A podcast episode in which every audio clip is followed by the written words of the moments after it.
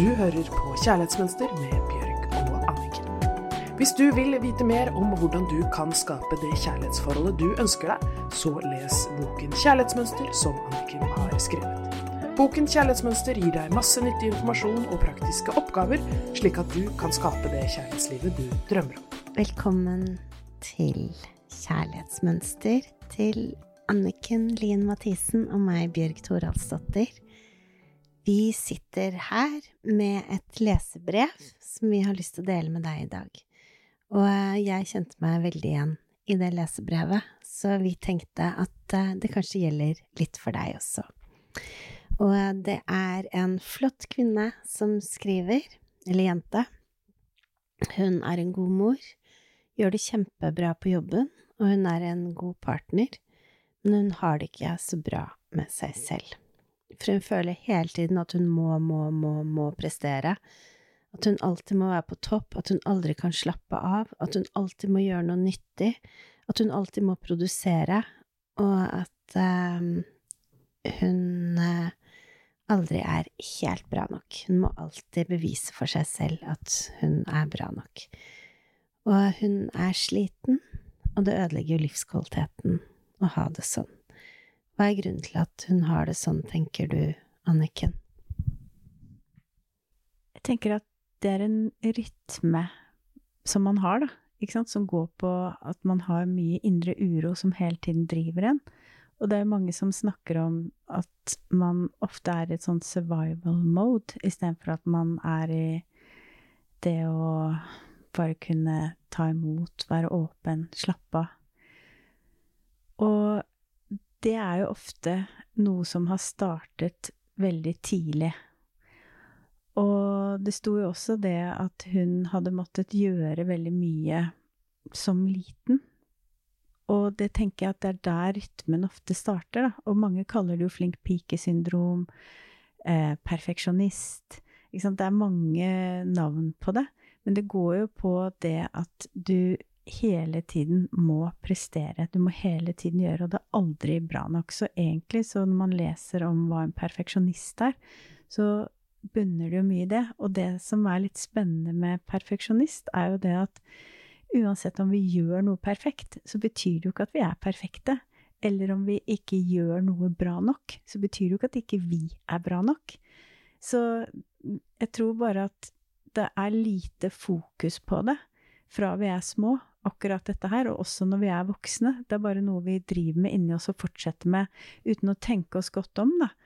Og så er det jo ofte det at når vi sitter ned og kjenner på den indre uroen som hun beskriver i brevet, det er jo da ofte at disse gamle tingene kommer opp, disse gamle mønstrene, gamle følelsesmessige sår, og så har man ikke ork til å kjenne på det, så man syns det er mer behagelig da å forte seg å jobbe eller rydde eller prestere, skape noe, for da slipper man unna den følelsen. Så det er jo også en måte å komme unna følelser som man ikke orker å kjenne på. Det er veldig morsomt, for at, eh, jeg snakket med en venninne av meg i går. Eh, og jeg har jo mine barndomstraumer, og det har hun også. Og så sa hun sånn jeg skal klappe meg selv på skulderen. Jeg kunne jo ha blitt narkoman eller alkoholiker eller et eller annet for å døyve alle smertene og alle de stygge ordene og alle de vonde opplevelsene og angsten og sånn. Så hun var sånn det er jo kjempebra at jeg ikke har blitt rusmisbruker eller alkoholiker. Og så var jeg sånn ja ja, men vi har jo blitt workaholics, da. Begge to. For det er akkurat det. At eh, når det skjer ting hele tiden, så slipper du å kjenne på følelsene. Så jeg kjenner meg igjen i det. For jeg tenker jo Vi lærer jo ofte ikke hvordan bærer jeg følelsene mine. Hvis du ser barn som går over til ungdom, og ungdom som begynner å bli voksen, så hørte jeg et veldig fint foredrag om at hvorfor ungdom ofte har så få ord i en periode. Det er fordi alle disse følelsene er helt nye, de har aldri kjent på det før, og så er det ingen de prater med det om, så da har de heller ikke noe ord på det. Og det å bære følelsene våre når vi begynner å bli eldre, gå fra ungdom til voksen, det er det veldig få som lærer oss, ikke sant, og da føles det så ubehagelig. Fordi de følelsene har man ikke kjent på før. Man blir stor, man begynner å oppleve ting man ikke har opplevd eh, eh, før. Og så kjennes det fryktelig ubehagelig, for det er jo mange ting som kjennes ubehagelig i livet. Og da med en gang så tenker man nei, men dette her må jo være helt unormalt, sånn vil ikke jeg ha det. Og så jobber man det vekk, eller man sosialiserer veldig mye, eller man ja, presterer, som du sa. Så jeg syns jo det handler veldig mye om å klare å begynne å bære de følelsene som vi har inni oss, uten å bare tenke ofte er så ubehagelig at jeg må bare gjøre noe annet, for jeg orker ikke å kjenne på den indre uroen. For det er jo sånn det kjennes, det er jo en indre uro som blir den drivkraften. Jeg tror også det er um, Jeg fikk på en måte oppmerksomhet og kjærlighet som barn um, når jeg presterte, eller når jeg gjorde noe veldig bra, liksom. Eller ja. En flink pike. Ja. Mm. Så jeg tror at mye av grunnen til at jeg har vært opptatt av å prestere og gjøre det bra, har jo vært fordi at jeg har trodd at min verdi lå i det jeg presterte. Sånn at hvis jeg bare hadde ligget i en seng og vært syk, så har jeg ikke vært noen ting, liksom. At jeg, min verdi ligger bare i hva jeg presterer. Det er utrolig trist, men det er vel det som gjelder for de aller fleste flinke piker og gutter, er at du tenker at det, det mer perfekte jeg er, og det mer jeg presterer, jo mer elskbar blir jeg. Mm. Og i, i, coachingen jeg jobber, så jobber jeg mye med det om eh, relasjonsorientert forhold, eller oppgaveorientert forhold. Og en av de vakreste tingene som du har sagt i podkasten vår, Bjørg, det har jo vært det at det å bare få lov å være Bjørg, og bare puste og være meg og bli elsket for akkurat den jeg er, da er du virkelig i en relasjon. Mens når man da må føle at man må prestere for å få den oppmerksomheten. Da har man lært at det å være i en relasjon, det er en oppgave. Jeg må enten tilpasse meg, det er en oppgave. Jeg må passe på hva de andre syns om meg, det er en oppgave. Jeg må gjøre noe fint for at de andre skal like meg og legge merke til meg. Jeg må male fine bilder eller synge en fin sang. Det er oppgaveorientert. Alt det er det stikk motsatte av det vakre som du sa. Bare være bjørk, bare puste. Og bare bli elsket for den du er, uten å prestere i det hele tatt. Så det er jo hele forskjellen. Er jeg i en relasjon i meg selv, hvor jeg må ha en oppgave? Eller er jeg i en relasjon hvor jeg bare kan være den jeg er? Og jeg tenker på hva umiddelbart du som lytter og Bjørg tenker, hva gir meg mest ro av de to? Ja, bare få lov til å være. Mm. Men da må man jo øve seg på det inni seg selv, ikke sant? Fordi det er jo ingen som tvinger en til å jobbe veldig mye, eller altså Nå snakker jeg om alle må jobbe for å tjene de pengene de trenger. Det er ikke det, men å jobbe utover det for å prestere og vise at man er bra nok, det er jo bare en selv som setter de kriteriene nå som voksen.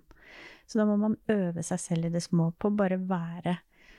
Og da, selv om man, når man ligger der på sofaen og har lyst til å reise opp med en gang og gjøre noen ting, eller som du fortalte når du var på date en gang, så hadde du ryddet alle, alle kjøkkenskapene. Husker du det? Samtidig som du hadde servert mat og sittet og flørtet. Så det er liksom et herlig eksempel. Det skal sies at jeg er fra Island, da, så jeg var sånn der Hvis du har latt, så dør du! For du må liksom sanke inn til vinteren. så farmor gikk og strikka mens hun passet på sauene, og du måtte liksom gjøre to ting samtidig og stå på, for hvis ikke så døde du. Så jeg, tror jeg har fått inn litt det der greiene også, at du må bare stå på så innmari hele tiden, for hvis ikke så dør du. Ja. Så jeg tror jeg har fått inn litt det fra, i hvert fall fra pappa, med den der at du skal stå, at det var liksom Vi ble vekket tidlig hver lørdag og søndag uansett når vi kom hjem fra byen. Og eh, da skulle vi liksom sitte og spise frokost tidlig på lørdag og søndag, som er egentlig helt teit, når vi endelig kunne sove ut, men da skulle vi liksom bruke dagen og gjøre noe nyttig, så det er jo et eller annet sånt fra vårt, vårt, ja, vårt samfunn også, men det jeg tenker som er veldig trist, siden jeg har hatt veldig mye den tankemåten at jeg må gjøre noe nyttig hele tiden, og tror jeg eier seks solsenger jeg kan huske én gang jeg har brukt en av de, liksom. Det har ligget nede kanskje i to timer på en av de. Og jeg eide i mange år. Altså, jeg hadde masse Sønnen min og gjester og alle mulige som driver og ligger på de solsengene, men jeg gjør det jo aldri selv. Jeg skal alltid gjøre et eller annet nyttig, eller ja.